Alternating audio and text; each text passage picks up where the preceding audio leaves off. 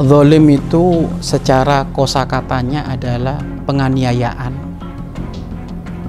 Berbuat tidak enak kepada hamba-hamba Allah.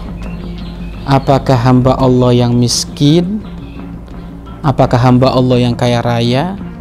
Apakah hamba Allah yang berpangkat? Apakah hamba Allah yang tidak berpangkat? Apakah hamba Allah yang berilmu? Ataukah hamba Allah yang tidak berilmu? Apakah hamba Allah yang muslim? Ataukah hamba Allah yang kafir? Intinya, tidak boleh ada pendoliman di dalam kehidupan kita. Inna zulma zulumat Sesungguhnya pendoliman adalah kegelapan-kegelapan nanti dari kiamat. Siksaannya sangat mengerikan di hadapan Allah Subhanahu wa taala. Maka di dalam kehidupan kita tentu kita akan bertemu dengan banyak orang yang berpangkat, yang tidak berpangkat, yang bermateri dan tidak bermateri, maka kehidupan kita kuncinya adalah agar supaya kita bermuamalah dengan mereka mengundang pahala Allah maka jangan berbuat dolim sekecil apa pun kepada mereka.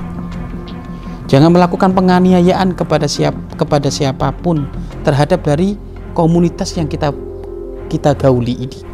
Komunitas yang saat itu kita duduk ada di situ, maka jangan pernah berbuat dolim. Apakah berbuat dolim dengan mulutmu, dengan engkau ngomong kasar kepada orang yang di sekitarmu, atau memfitnah, atau mengadu domba, atau menggunjing, maka ini juga perbuatan dolim. Atau dengan tanganmu? Engkau memukul? Engkau memukul atau engkau mengambil haknya orang ini juga perbuatan dolim. Atau naudzubillah min dari membunuh membunuh ini adalah pendoliman yang sangat besar. Dan pembunuhan termasuk adalah dosa yang sangat besar. Mingki barid dunub termasuk dari besar besarnya dosa di antaranya adalah pembunuhan.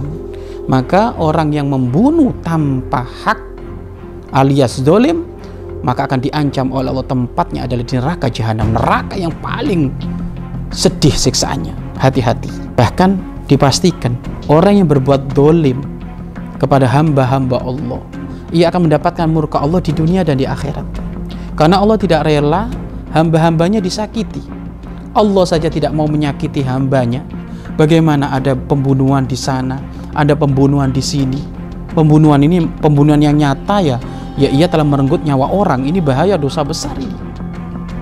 Walaupun memang di dalam Islam ada hukum hukum membunuh ada tetapi kan harus ada syarat-syaratnya yang dipenuhi nggak asal-asal kayak gitu Bahkan kalau mau dikembangkan ya pembunuhan karakter ini juga pendoliman. Merendahkan orang, menjadikan nama baiknya orang ini terjatuh ini juga pendoliman ini. Hati-hati. Semuanya ada hitung-hitungannya di hadapan Allah. Hei orang-orang yang berbuat dolim detik ini saat ini. Emangnya dikira umurmu selama-lamanya di dunia? Jika engkau berbuat dolim sekarang ini, kemudian kau tidak tobat, tidak menyesal, maka pendoliman yang kamu lakukan itu akan merembet kepada anakmu, kepada keturunanmu.